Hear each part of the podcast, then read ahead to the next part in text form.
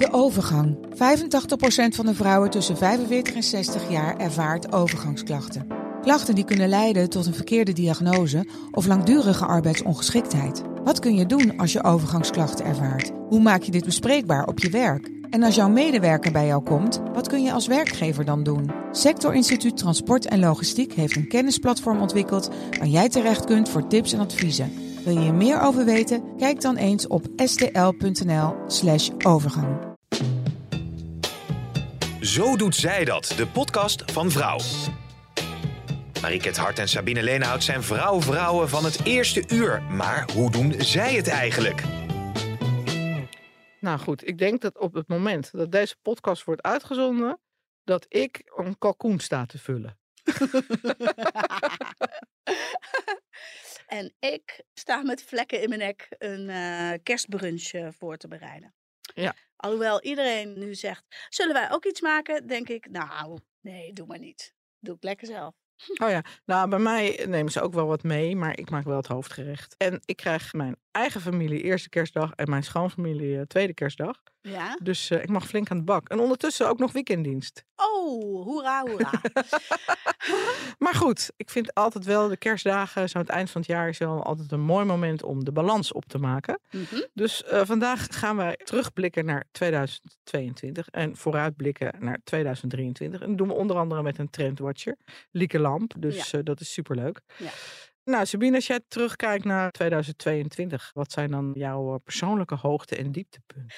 Uh, mijn persoonlijke hoogtepunt is natuurlijk dat ik een huis gekocht heb. Ja. Net voordat de rente omhoog ging. Dat is nog steeds niet klaar. Dat zou nu ongeveer klaar zijn, maar dat, uh, dat duurt nog even. En het uh, persoonlijke dieptepunt is wel de oorlog in Oekraïne, denk ik. Ja. Nou ja, persoonlijk. Da maar dat, dat trek ik me wel echt aan. Vind ik echt erg. Ja. En alle crisis. En jij? Nou, mijn persoonlijke hoogtepunt is toch wel, ik denk toch wel mijn reis naar Peru. Ja. Ja, dat ik drie weken daar heb rondgetrokken en uh, uiteindelijk uh, op de Machu Picchu stond, wat echt een magische plek was. Ook omdat Jeroen, die heeft dus op zijn elfde daar een werkstuk over geschreven. En ja. nou, die wilde dat altijd, dus ja, dat was echt wel een hele bijzondere reis. Mijn persoonlijke dieptepunten zijn toch wel ja, mensen om me heen die, die ik ben verloren, dus die zijn overleden. Mm -hmm. Ja, waaronder Marjolein natuurlijk. En, maar ook gewoon ja, mensen wat, uh, wat dichterbij uh, mij. Of ziek zijn geworden. Na, nare diagnoses hebben gekregen. Mm -hmm. Kanker, hersenbloeding, ALS. Uh, mijn overbuurman. Ja. het is heel heftig, weet je wel. ja, dat is gewoon leed. Nou ja, we hebben net het Telegraaf jaarboek eens uit. En daar staat achterop. 2022 is het jaar van crisissen. De ene crisis is nog niet opgelost. Of de volgende dient zich alweer aan. Mm. de asielcrisis, het woningtekort stikstofcrisis. En dan hebben we nog niet eens gehad inderdaad over de energiecrisis en de oorlog in de Oekraïne, wat jij net ook al zei. Precies. Ja, het is wel een vrij zwaar jaar, moet ik zeggen, ja. wat dat betreft. En daardoor dat ook wel persoonlijk leed, waar, waar jij het al net over hebt, bij mij ook wel wat harder binnenkomt hoor. Want ja, ik had uh, alle persoonlijke dingen nog niet genoemd. Maar ook, ook in dit jaar zijn er natuurlijk ja, persoonlijke drama's om mij heen uh, hebben zich voltrokken. Daar kun je wat luchtiger mee omgaan als je niet ook nog uh, je zorgen maakt over je energierekening. Dus gewoon geldzorgen. Ja. Als je energierekening. Nou, ik hoor ook van, van, Nou, bij mij is die dus van 300 naar 826 gegaan. Bijna verdriedubbeld. Mm -hmm. En ik merk wel echt dat ik, waar ik eigenlijk nooit echt natuurlijk gewoon wel oplet op hoeveel geld ik uitgeef, dat ik nu wel echt denk, dat is echt een hele hap geld die er elke maand uitgaat. Extra, ja. En uh, ja, en ik bedoel, ik hoor dan mensen zeggen, ah, ik ben al gewend aan de 19 graden. Ik vind 19 graden, ik heb het nog steeds koud thuis. Het is ja. niet echt behagelijk. Nee. En het is, uh, en dit, dit, nou ja, we hadden van de week nog een stuk in de krant over mensen die, die zich liever, uh, die met dekbedden en zo uh, om zich heen gefotografeerd Ja? op de voorpagina stonden. Wij krijgen binnenkort een verhaal van een vrouw die woont in haar auto. Oh. Ja. Jeetje. In januari. Dus die woont met haar hondje in de auto. Omdat ze dus geen huis kan betalen. Mm. Dus nee, het is echt wel heftig. En ook inderdaad bij mensen om me heen uh, hoor ik het ook. Weet je wel, ik hoorde van een vriendin. Nou, het geld dat ze altijd had gespaard voor de studerende kinderen gaat dus nu op aan de energierekening. Nou, dat is toch ook te schandalig voor woorden. Ja. Dat vind ik eigenlijk ook 2022 is ook het jaar dat dingen doorzichtiger zijn geworden en zichtbaarder. Laat het zo zeggen. Ja, zichtbare armoede. Zichtbaar, ja, maar ook dat mensen zich hardop afvragen hoe kan het dat hetzelfde gas wat naar België gaat uh, vanuit Nederland, dat een Belg daar 1,50 euro voor betaalt en dat wij daar 3 euro voor betalen. Hoe kan dat? Ja. Nou ja, dat wordt nu zichtbaarder dat Nederland en onze overheid zich opstelt als een soort bedrijf. En dat er gewoon deals worden gesloten. En die gaan dus over de hoofden van alle inwoners. Maar daar krijg je nu een beetje inzicht in. Dat Nou, het is dus vooral zo dat. Nou, het is vooral dat wij veel meer belasting bijvoorbeeld betalen over energie dan België. Ja, dat ook. Maar het zijn wel prijsafspraken die gemaakt worden. En wat dan Ja, ook... nou ja, eh, dat zijn natuurlijk de keuzes om inderdaad. Dat geldt natuurlijk niet alleen voor de energiemaatschappij, maar ook voor de zorgverzekeringen. Nou, precies. Dat die allemaal geprivatiseerd zijn. Ja. Weet je wel, ik word nu helemaal met die top 2000. Je wordt helemaal doodgegooid met reclame voor zorgverzekeringen. Waarvan ik echt denk, jongens, dat geld zouden jullie ook aan zorg en aan zorgpersoneel kunnen besteden. In plaats van al die reclames dat we maar moeten overstappen. Ja, want wij weten wat dat soort sportjes kosten. Ja. Ja, ja dat is echt schandalig Daar kan, ik me wel echt, eh, daar kan ik me wel echt over opwinden. Mhm. Waar ik me nog meer over opwind, dat zijn natuurlijk de dreiging eh, ja, voor de journalisten. Dus dat journalisten echt steeds vaker te maken krijgen met geweld en intimidatie, ook online. Mhm. Bijvoorbeeld Saskia Belleman, rechtbankverslaggever, nou ja, die wij ook wel eens in de uitzending hebben gehad. Mhm. Die wordt gewoon regelmatig met van alles en nog wat bedreigd. Mhm. Terwijl zij gewoon alleen maar haar werk doet. Andere journalisten ook niet veilig. Iemand die met de rellen op het Mercatorplein tijdens het WK gewoon eh, echt ook moest rennen voor de leven. Mhm. Ja, dat zijn, dat zijn echt wel eh, dat zijn, dat zijn dingen waar ik, me, waar ik me zorgen over maak. Die verharding, ja. Ja, die verharding, de enorme verharding. ja. Gewoon ook, ook de gewelddadige manier waarop soms straatroven worden gepleegd. Ja, maar dat Eh, komt door het verschil tussen rijk en arm wat steeds groter wordt. Ja, mensen die Ja. in huis worden overvallen. Maar ook gewoon verkeersruzies, weet je wel. Mensen met een heel kort lontje die heel snel heel erg kwaad worden. Mhm. En soms echt daar verschrikkelijk veel geweld bij gebruiken. Ja. Dat zijn, ja, die verharding, daar maak ik me ook, eh, daar maak ik me ook echt heel veel zorgen over. Ja, ik, ik zie dat ook helemaal niet zo snel goed komen. Want zolang die rijke groep rijker wordt en die eh, arme groep inderdaad steeds armer, want het is juist die arme groep. Maar is het alleen, is het alleen rijk en arm? Want als je kijkt naar bijvoorbeeld die jongens op Mallorca.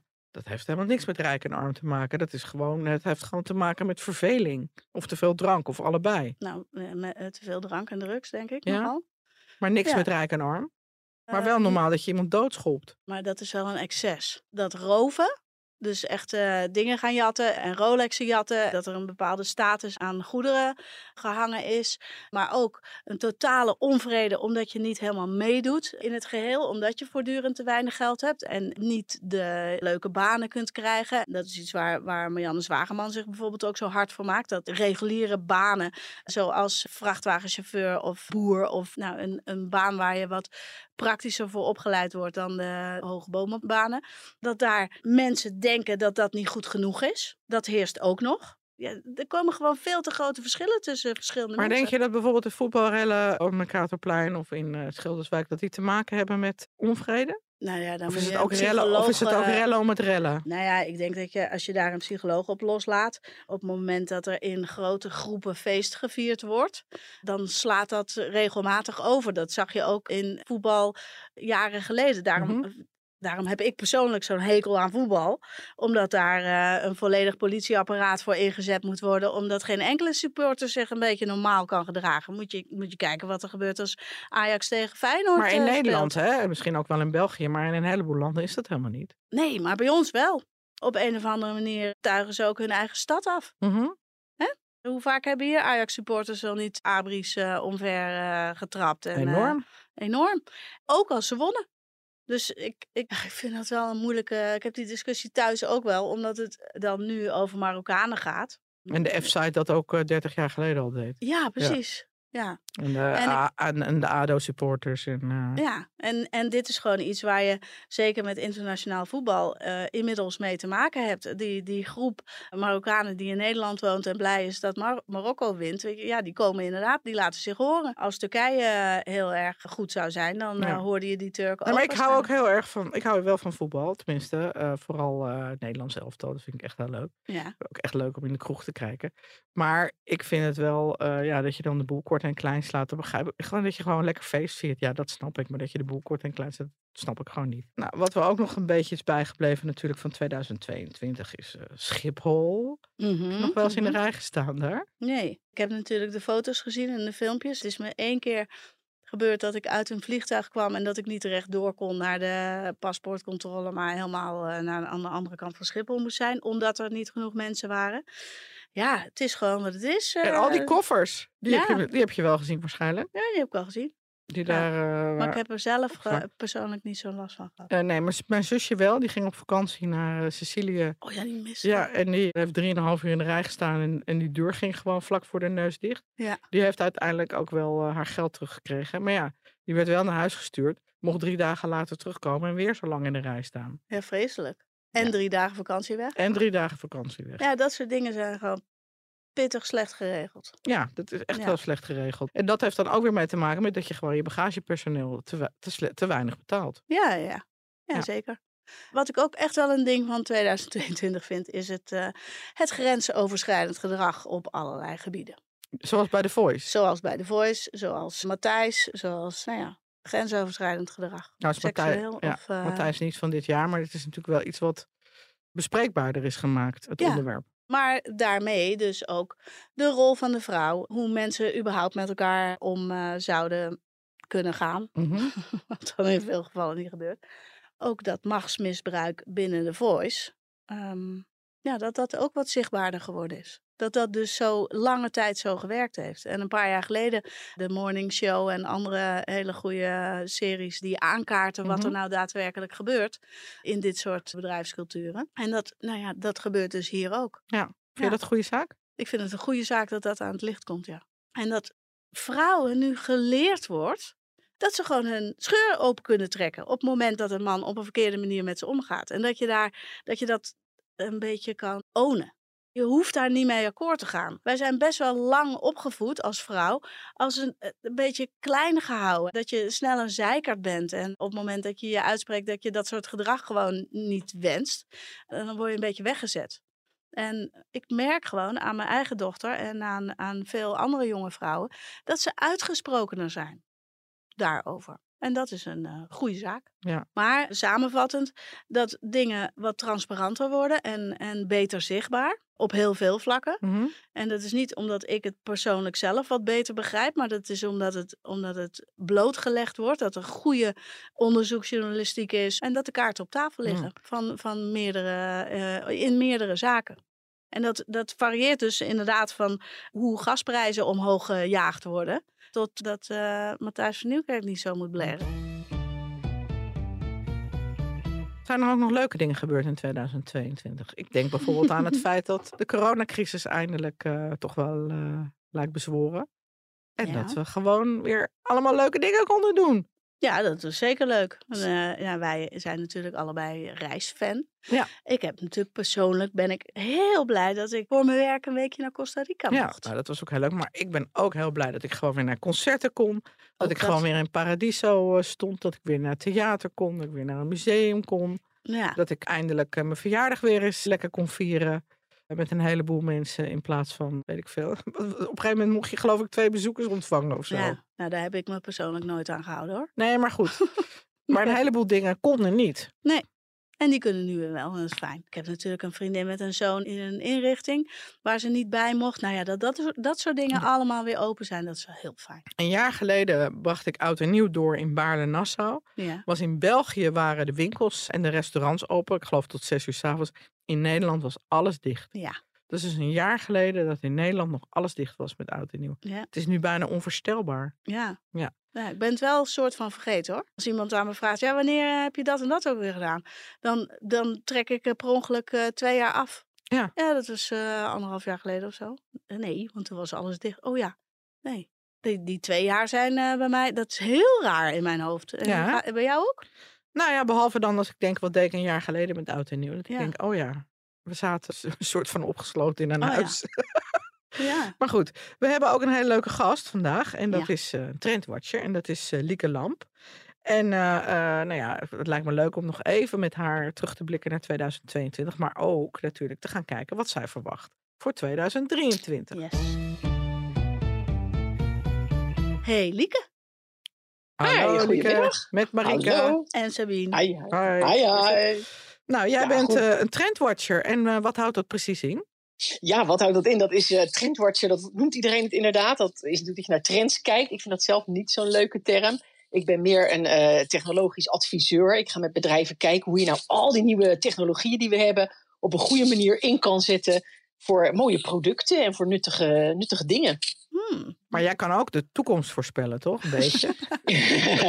nou ja, dat, dat kan ik dus niet. Ik kan de toekomst maken met die nieuwe, met die nieuwe technologieën. Ah. En ik kan eh, met start-ups en scale-ups kijken van eh, welke kant eh, gaan we op en wat heeft zin. Want je ziet bij heel veel nieuwe technologieën, eh, dat is dan de toekomst. Maar hoe ga je die dan vormgeven? Een mooi voorbeeld, als ik dat gelijk erin mag gooien, dan is bijvoorbeeld eh, zo'n robothond. Daar heb ik mee mogen werken. Eh, dat is eh, heel gaaf qua technologie. Dat is echt een robot die op een hond lijkt en die kan bewegen zelf en die kan zelf lopen en doen. Nou, hartstikke gaaf stukje techniek. Maar hoe ga je dat nou zinnig vormgeven dat je daar echt ook wat aan hebt? Wat laat je zo'n hond, zo'n robot nou voor je doen? En dat is vaak nog wel heel erg moeilijk.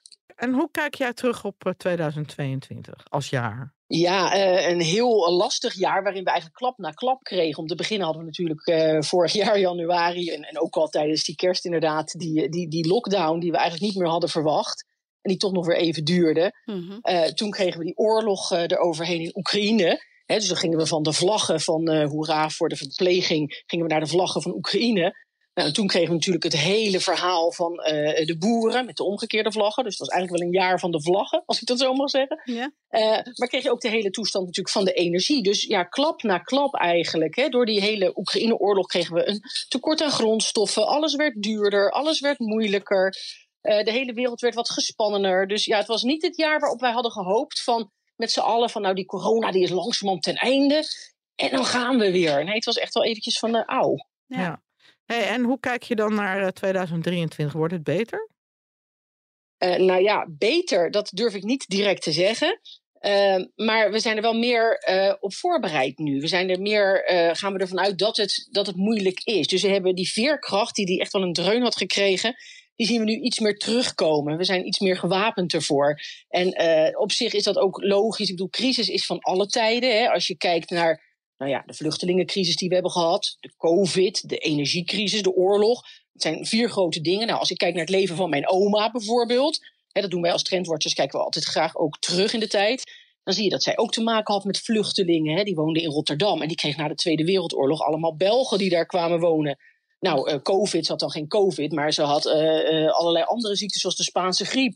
Energiecrisis, ik ben zelf uit 73. Ja, toen hadden we die, die zondagen waarop niet gereden werd en waar in Engeland zelfs winkels dichtgingen vanwege die energiecrisis. Oorlog, nou, hoef ik niet eens uit te leggen. Dus ik bedoel, vier crises waarvan je zegt, ja, die zijn er eigenlijk altijd. Alleen wij komen uit een tijd waarin het een hele lange tijd goed is gegaan. Mhm. En daardoor kwam die klap zo aan. En daarom denk ik dat het komende jaar ja, zijn we er iets meer op voorbereid. En wordt het dus niet per direct leuker. Maar kunnen we er wel beter mee omgaan en beter mee dealen.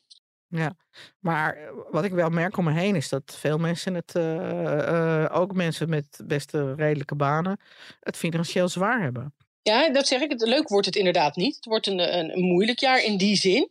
We doen echt een paar stappen terug. We komen natuurlijk uit een paar jaar van, van dat het eigenlijk hè, een soort stijgende lijn ging. Of het bleef in ieder geval vrij rustig op gelijke voet gaan. En nu zie je echt ja, onszelf stapjes terug moeten zetten. En dat, dat gaat met heel veel dingen tegelijk. Dat is het nare. Eh, op een heleboel gebieden zie je dat we tegen, zoals wij dat dan noemen, tegen systeemgrenzen aanlopen. Eh, we zijn daarom ook op zoek naar alternatieven. Maar je ziet bijvoorbeeld de, de, de kledingmaatschappij, de kledingindustrie. Dat kan zo niet blijven. De vleesindustrie, dat kan niet zo blijven. De energieindustrie, dat kan niet zo blijven. Dus er zijn een heleboel industrieën die we eigenlijk voor lief namen jarenlang. Eh, die, eh, die niet meer zo kunnen blijven. En dan zie je dus ook, nou, wat ik zei al, de grondstoffentekorten. Je ziet eh, de arbeidskrachtentekorten. Je ziet die economie slechter worden. Hè. Het is natuurlijk fijn dat op zich weer de, de rente gaat stijgen. Maar het heeft alweer allerlei gevolgen voor, voor je portemonnee. En voor de hypotheken die je af kan sluiten, et cetera. Dus dat wordt allemaal ja, toch wel moeilijk. En moeten we echt wel ons, ons best doen om, om de positiviteit te behouden. Eh, maar hoe zie jij dat dan in 2023? Wat voor veranderingen zullen dus nodig zijn bij de bevolking? Nou, wat je ziet is dat mensen natuurlijk toch die spiritualiteit altijd nodig hebben. Dat is een van de grote trends die wij eh, zien door de, door, de, door de tijden heen. is dat we eigenlijk zijn gegaan van uh, kerkelijke of, of, of, religieuze trends naar meer spirituele trends. We gingen, daarna gingen we eigenlijk naar meer, um, hoe zeg je dat, psychiatrische hulp. Dus hè, in plaats van biechten bij de priester, gingen we biechten bij een psychiater. En nu zie je dat mensen heel erg op die digitale wereld zitten. Hè. Wij zeggen ook wel eens AI, Artificial Intelligence, die kunstmatige intelligentie. Dat is eigenlijk een nieuwe god. Zo'n telefoon weet alles van je en die begeleidt jou en die steunt jou. Dus je ziet dat daar een heleboel dingen ontwikkeld worden om mensen ja, te supporten. Daar zitten een heleboel nare, enge kanten aan. Want zo'n telefoon weet heel veel van je. Die kan bij wijze van spreken aan jouw stem horen hè, eh, welke periode van de maand het is uh, als vrouw. Dus nou, wil je dat, ja of nee? Uh, dus dat is heel erg eng. Aan de andere kant zie je dat dat ook wel steunt en dat we ook wel op zoek zijn naar die spiritualiteit. We hebben een tijd gehad van hè, FOMO, zoals dat dan heet, Fear of Missing Out. Dat was dan echt dat, dat, dat Instagram-wereldje, FOMO.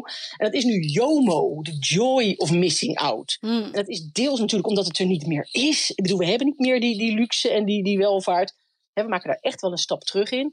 Aan de andere kant zie je dat dan ook een soort besef en een bewustwording van, nou, oké, niet meer iedere dag een nieuwe jurk, niet meer naar Timbuktu op vakantie. Het is eigenlijk ook heel erg leuk om gewoon hier in het bos te lopen. En dan, ja, deels is dat natuurlijk een beetje gedwongen, hè, want ja, we maken er maar het beste van. Aan de andere kant dat ook echt wel een bewustwording van, nou, dit, dit kan ook heel erg mooi en leuk zijn. Zal dat dan ook weer tot gevolg hebben dat mensen gewoon meer met elkaar weer gaan doen?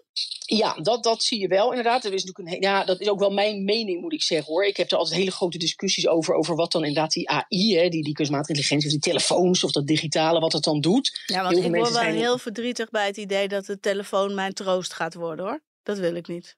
Ja, dat wil je niet, maar dat doet hij, dat doet hij nu al een beetje. Hè? Als jij scrolt op, op Instagram of op TikTok of waar dan ook, dan kent hij jouw gevoelens, dan ziet hij waar jij op blijft hangen en daar gaat hij jou meer van voeren, als het ware. Ja, dat is een soort van ja, digitale armoede. Nou, daar heb ik altijd heel veel uh, discussies uh, over. Uh, ik, zie, ik zie dat zelf niet zo. Ik, ik vind het ergens ook een verrijking. Ik heb met die telefoon ook heel veel contact met mensen in het buitenland. Ik kan mensen heel makkelijk appen en doen. Dus in die zin zie ik dat ook echt, echt wel als een verrijking. Mm -hmm. Wat je wel ziet, is dat die social media, die wij natuurlijk kenden als hè, social media. Je, op social media ging je kijken of jij een boterham met pindakaas at en ik een boterham met, uh, weet ik wat, worst of kaas of wat dan ook. Nou, worst mag wel helemaal niet meer, maar goed. Uh, dat zie je wel, die social media wordt een beetje curated media. Als je op hmm. TikTok bijvoorbeeld gaat kijken, dan ga je niet meer je vrienden volgen om te kijken welke boterham met pindakaas ze eten. Maar je gaat naar je aandachtsgebieden van, nou ja, ik hou van uh, ballroomdansen of van huskyhonden of van, nou ja, wat dan hmm. ook.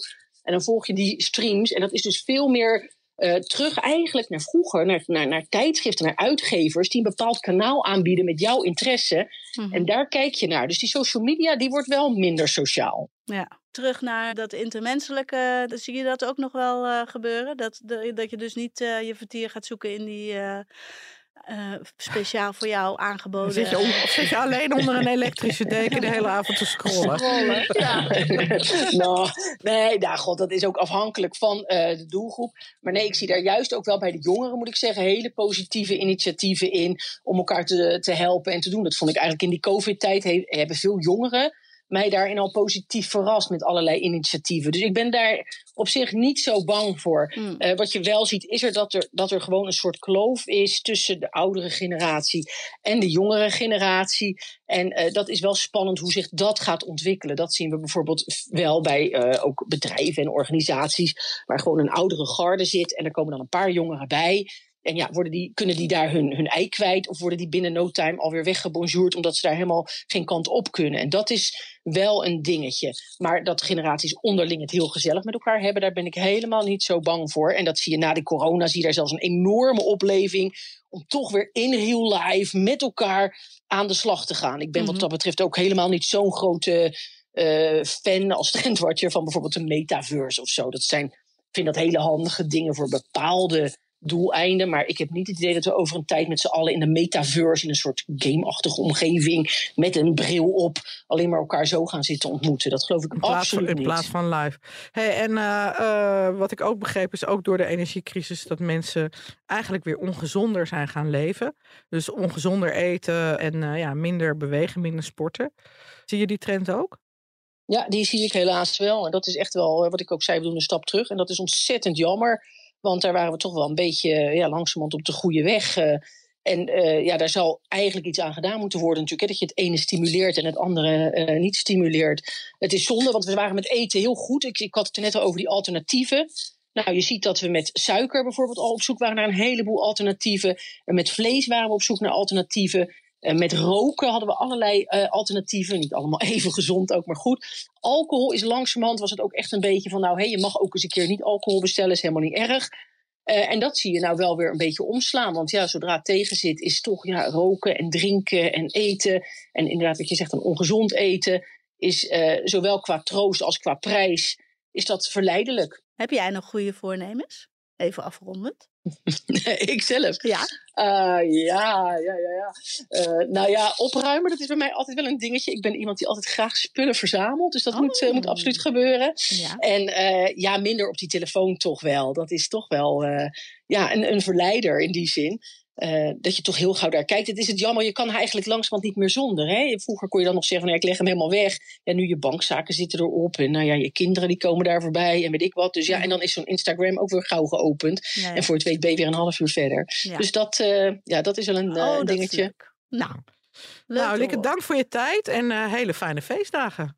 Ja, nou hetzelfde, geniet ervan. Aha. Maak het mooi. Bedankt. Dankjewel. Doeg. Hoi, hoi. Dag. Minder op je telefoon of meer? Aha, minder. Was ik al mee begonnen, hè?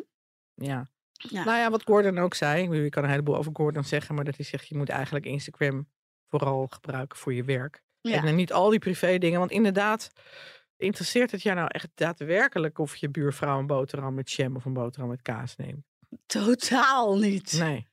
Nee, en zoals Facebook vroeger nog wel, of vroeger, oma vertelt, ehm, in, helemaal in het begin, Hives en Facebook was, was nog wel lachen dat je even je oude klasgenoten, dat je kon bekijken wat er gebeurd was eh, met die lui.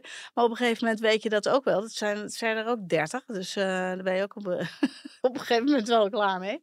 En mij heeft het inderdaad nog nooit aangetrokken om te gluren bij mensen. Ja, ja, en de fear of missing out is inderdaad. Ja. Daar heb ik ook wel een tijdje last van gehad. Eigenlijk vooral voor corona. Ik dacht, nou ja, ik wil geen feestje missen. eh. En dat je nu eh, wel wat bewustere keuzes maakt. En ook wel eh, dat ik, ik hoef niet meer zeven avonden per week op stap. Nee. Nog maar vijf. Ja, precies. nou ja, misschien is dat voor jou ook herkenbaar, maar mijn, mijn tijd is gewoon snel gevuld. En daardoor wil ik wel wat betere keuzes maken. Want ja, iemand die ik nooit zie en waar ik dan, eh, die dan ineens af wil spreken, ja, dat is allemaal leuk en aardig. Maar die, eh, ja, wat, wat, daar schiet je helemaal niks mee op. En dan denk je aan het eind van de avond, oh ja, nu weet ik weer waarom ik jou nooit meer zie. Nou, eh, dan, daar heb ik het echt te druk voor, merk ik. Ja. En dan ga ik liever gewoon lekker nog een avondje padellen. In plaats van met diegene ergens zitten. Ja, Ja. onaardig hè? Nou ja, goed, eh, Ja, weet ik niet. Ja, als die andere dat wel heel graag wil, dan is het wel een beetje lullig. ja, ja. Ja, ja. En heb jij eh, misschien nog een taboe? Het zo doet zij dat. Taboe. Nou, ik heb het gevoel dat ik dat bijna niet mag zeggen. Hm? Maar de andere kant van hè, alles opengooien is dat mensen ook niet meer echt een taboe hebben om te zeggen dat het niet zo goed met ze gaat. Dat is heel fijn, weet je wel. Dat je gewoon kan zeggen, ja, ik zit gewoon even niet zo lekker in mijn vel. Mhm. Ik ga naar een psychiater of ik ga naar een psycholoog of ik ga naar een coach of ik ga met mezelf aan de slag. Maar het heeft soms ook een andere kant. Dus dat, dat ik het gevoel heb dat we allemaal een beetje snowflakes aan het eh, worden zijn. ik zag op Netflix dat er zelfs een documentaire is over snowflakes. Dat zijn dat Amerikaanse jongeren die niks kunnen hebben. En die worden dan eh, eh, de jungle eh, ingestuurd op het, met militairen. Die krijgen dan allemaal met ontberingen te maken. Hm. Maar ik heb wel het gevoel dat mensen heel snel gekwetst zijn en overprikkeld.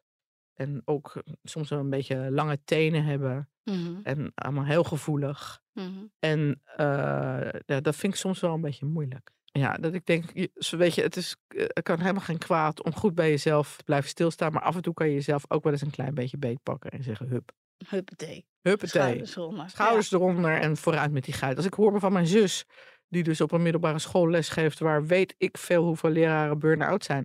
En leraren hebben het natuurlijk ook zwaar. En het is Mhm. echt heel moeilijk met leraartekort en al die ouders en die kinderen. En, eh, maar aan de andere kant zegt zij, ja hallo, eh, ik zit al eh, 25 jaar in het onderwijs en eh, ik heb nooit ergens last van. Ja. Lange tenen. Ja. En eh, jij, heb jij nog een uh, opgebiecht? Nou. Opgebiecht. die, die sluit wel aan op jouw uh, taboe. Dat is dat ik er wel eens een beetje moe van word. De excessen in de, in de hele woke-cultuur. Dus dat je voortdurend uit moet kijken wat je zegt. Want anders is er inderdaad een groep stik beledigd. Of een mens stik beledigd. Of, uh, um, ja, ik heb daar af en toe, uh, denk ik, nou, hou nou. Jeetje, laat ja. me eens gewoon zeggen wat ik wil zeggen. Zonder, zonder daarbij nog heel veel extra betekenissen te hangen aan uh, de woorden die ik gebruik. Dat. Mensen die menstrueren. Precies. Dat vind ik soms wel een beetje lastig. Dat ik ook denk, uh, ja, tuurlijk zijn er ja, mensen in tra transitie van vrouw naar man. En mensen die non-binair zijn en die zichzelf geen vrouw noemen. Ja. Maar ja, om dan inderdaad, als je het dan hebt over menstruatieproducten en het dan voor mensen die menstrueren, denk ik, joh, je moet ook wel zorgen dat je, de, dat je daardoor geen vrouwen uh, opzij schuift. Ja. Als, je, als je begrijpt wat ik bedoel. Ja. Wat ik ook daar, daaraan sluitend, wel soms een beetje ingewikkeld vind, dat zijn uh, dat mensen uh, voortdurend naar jou wijzen met, met dat vingertje. Hm. Oh, drink jij nog? Nou, nee, ik drink niet meer hoor. Nee, nee, nee, nee. Alcohol, zo slecht. Ik uh, uh, hou het bij uh, water of fris of wat dan ook. Of eet jij nog vlees? Nou. Ja, nou dat is wel enorm grachtig hoor. Ja. Hè? Ga jij nog met het vliegtuig? Nee hoor, ik voel klimaatschaamte. Ja. Ik durf gewoon bijna niet te zeggen hoe vaak ik afgelopen jaar met het vliegtuig ben geweest. Nou, Dus dat ik wel het gevoel heb dat we wel een beetje moeten oppassen dat we elkaar niet uh, de les lezen. Daarin. Ja, en de maat nemen. En de maat nemen, voortdurend. Nee. Weet je wel, dat ik denk, ja, natuurlijk, het is heel goed dat we ons, dat is wat Lieke net ook zei, dat we ons bewust zijn dat, uh, dat het niet goed is voor ons. En uh, voor de aarde om veel vlees te eten en om heel veel te vliegen en om ontzettend veel kleren te kopen en, uh, en om daar bewust mee om te gaan. Aan de andere kant heb ik wel zoiets van, ja, weet je, ik ga daar andere mensen niet op aanspreken of veroordelen. Nee. Ik vind het ook niet leuk als ze dat bij mij doen. Nee. Nee, oh, dat zat ik trouwens even terug naar, naar dat afschuwelijke 2022 jaar.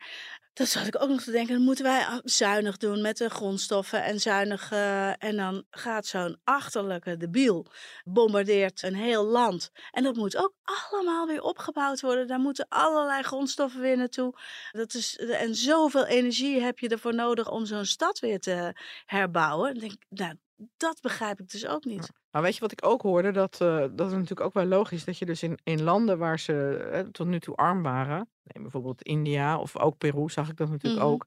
Je krijgt daar een, een groeiende middenklasse. Mhm. En die hebben zoiets van ja, ik wil wat zij ook hebben. En wat zij al jaren hebben daar in, uh, in, in het Westen. Mhm. Ik wil ook een uh, telefoon en ik wil ook een auto. En ik wil ook uh, vliegvakanties maken en merkkleding dragen en naar de McDonald's enzovoort enzovoort.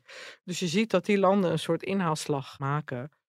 En ja, dat is natuurlijk ook heel logisch. Mhm. Maar dat is natuurlijk wel iets waar we ons ook met z'n allen zorgen over moeten maken. Dat, ja, ja, want die gaan natuurlijk ook steeds meer grondstoffen uh, verbruiken. Ja. Ja. zeker. En als je dan in, in, Qatar, we kunnen natuurlijk heerlijk smullen van bizar Qatar, wat, uh, wat door Telegraaf gemaakt wordt. Maar daar zie ik ook, uh, heb ik ook dingen gezien uh, waarvan ik dacht, nou, wow, wow. Dat, dat landje zelf zoveel olie heeft en dat het dus niet uitmaakt. Maar daar, daar worden ook ijspaleizen koud gehouden, terwijl het 40 graden was in is. Dubai ook, kon je gewoon skiën in de zomer. Ja, ja, Ja. ongelooflijk. Ja, ja, bij hun komt het uit de grond. het kost niks. maar goed, het gaat wel wereldwijd op. Ja. Dus dat uh, verbruik is wel uh, heftig af en toe. Nou, ja, goed. Maar dat terzijde. Maar dat terzijde. We gaan heb eerst... je nog... een- Nee, de, eh, 2023 heb jij nog... eh, als ik wou je- zeggen, we gaan eerst genieten van de feestdagen en dan Oh, dat. 2023 in. Ja, en nou ja, goede voornemens, dat doen we gewoon niet aan. Eh, je doet gewoon wat je doet. Ik vind dat ook zo'n onzin. Volgende podcast gaat over lekker in je vel. Lekker in je vel, ja. Heb jij nog eh, heb, heb jij iets, iets wat in 23 waar je naar uitkijkt? Nog bijzondere plannen? Ja, Nou, eigenlijk eh, bijna niet. nee? Nee. Heb je niet je volgende grote reis al gepland? Nee, ik heb... Oh ja, ik heb wel iets heel leuks natuurlijk. We gaan een podcast in boekvorm uitbrengen. Ja! Dat is echt leuk. Ja, echt leuk, hè? We zijn benaderd door een uitgever, uh, nader te noemen. of wij eh, de podcast Zo Doet Zij dat in een boekvorm gaan uitbrengen. En daar hebben we ja tegen gezegd. Dus ik ga lekker met oud en nieuw met vrienden weer naar Maastricht. Ja. En als we dan terugkomen, dan gaan we ons lekker eh, bezighouden met, eh, met het eh, uitbrengen van deze podcast in boekvorm. Ja, leuk. Ja, Ja, daar kijk ik echt enorm naar uit. Nou ja, en ja, natuurlijk hebben we, ook, eh, heb ik nog al leuke andere plannen. Ik ga nog met, met diezelfde vrienden gaan we in mei nog een week naar Frankrijk. Ik ga natuurlijk nog een keer naar mijn zoon in Berlijn. Dus eh, allemaal leuke dingen om naar uit te kijken. En jij? Heerlijk. Nou, eh, ik ga natuurlijk in mijn nieuwe huis ergens eh, komend jaar. Afhankelijk van de, van de grondstoffenschaarste, want het wordt steeds uitgesteld. Dus dat moeten we even kijken. Dan heb ik met Maarten nog een leuke reis naar Italië gepland staan. omdat vrienden daar hun tienjarige huwelijk nog een keer gaan vieren. En nu mogen wij er weer bij zijn. Dat is leuk. Ja, verder geen plannen, maar ik heb wel ik denk dat ik iets minder eh, in het nieuws eh, ga duiken, want ik trek het me echt aan. En dat vind ik, eh, nou, af en toe heb ik er gewoon even geen zin in. De telefoon gaat wat vaker aan de kant. En je gaat Culi doen. En ik doe Culi. Ja, Ja. ik ga. en dat vind ik trouwens wel de de reden waarom onze Marjolein, die dat de afgelopen zeven jaar gedaan heeft met heel veel liefde en, en ontzettend goed. Ja, dat zij er niet meer is, is natuurlijk afschuwelijk. Maar die pagina's die gaan natuurlijk wel door. En, eh, en ik vind dat, nou ja, jij en ik houden allebei enorm van eten en Ja. restaurantjes. En eh, het is eh, ergens ook wel een semi-samenwerking. Want jij hebt al een receptje getipt en een lekker adresje doorgestuurd. En dus dat gaan we het komende jaar wel ook een beetje met z'n tweeën doen. En trouwens, de hele redactie doet daar wel aan mee. Want ik kreeg ook al van Marion en, en Daan, die gingen ook allerlei dingen doorsturen. Eh, maar ik ga, ze, ik ga dat wel vullen. En dat houdt in dat ik, eh, dat ik net wat vaker dan voorheen in een restaurantje mag zitten. of testen. Nou, dat klinkt heerlijk. Dan kan ik jou meenemen. Nou, Dus dat is leuk. dank voor het luisteren. Hele fijne kerstdagen en eh, tot in het nieuwe jaar. Ja, leuk.